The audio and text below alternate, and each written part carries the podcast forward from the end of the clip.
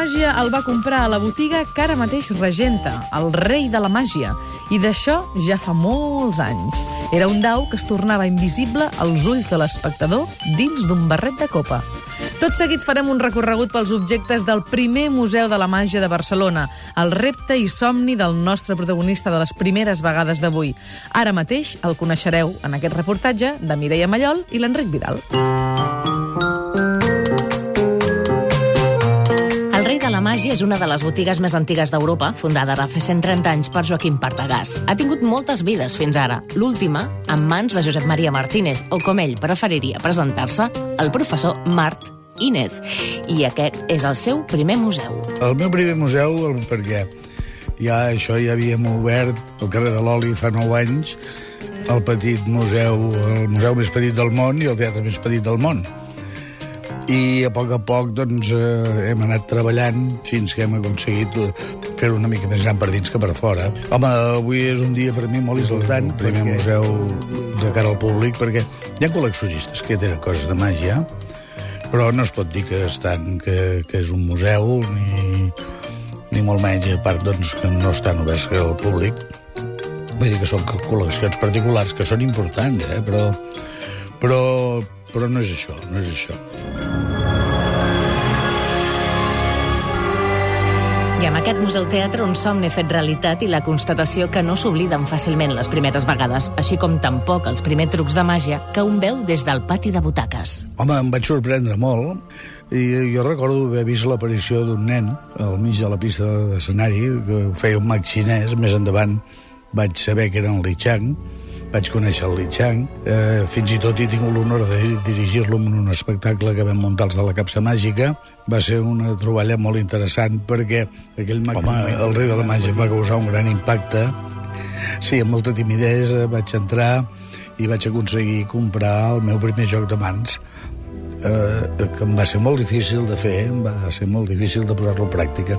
I sobretot aquell senyor, aquell senyor que em parlava de vostè, jo només tenia 12 anys, un senyor molt elegant, mai, mai perdia la compostura, ell era un mag, que em va ensenyar moltes coses i, i a través del temps doncs, ha estat el meu mestre.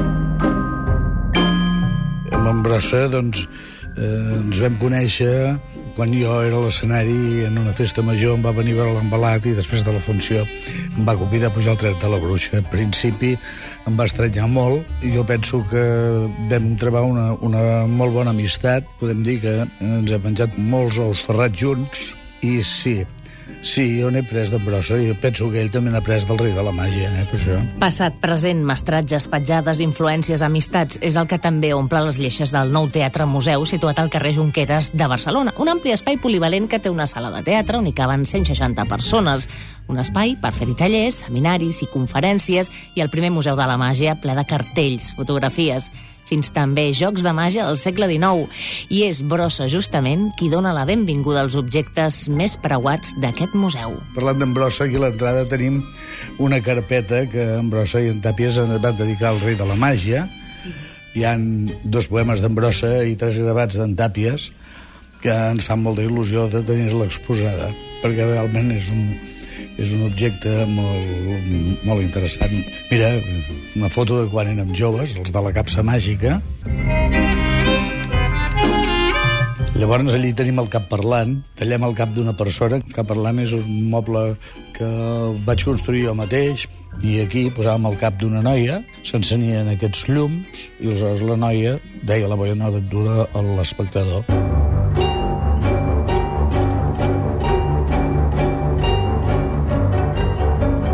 Veus una, una guillotina per tallar el coll i uns armaris que, on apareixen i desapareixen persones. És, és una mà que respon a les preguntes. Veus aquests vestits de xino que són molt interessants perquè quan Fu Manchu va ser aquí a Barcelona va posar de moda la màgia amb, de personatges xinesos, no? I tothom es va disfressar de xino. Cartells, fotografies de personatges molt interessants, eh, objectes, objectes de, de l'època del Partagàs, que nosaltres doncs, vam trobar a la botiga i que els hem mantingut, coses de l'època del Bocelli, coses, objectes que havien estat mostres. Per... Rosa Maria Llop, propietària del Rei de la Màgia des del 1984. Aquí tenim gent molt genial, però molt, molt més del que el públic potser pot creure, hi ha una escola molt interessant. Per aquí, doncs, eh, bé, aniran passant tots aquests eh, grans elements que tenim i que eh, el que volem és que la gent els conegui, que sàpiga qui són, com es diuen i, i, i per què han arribat a fer totes aquestes meravelles que fan.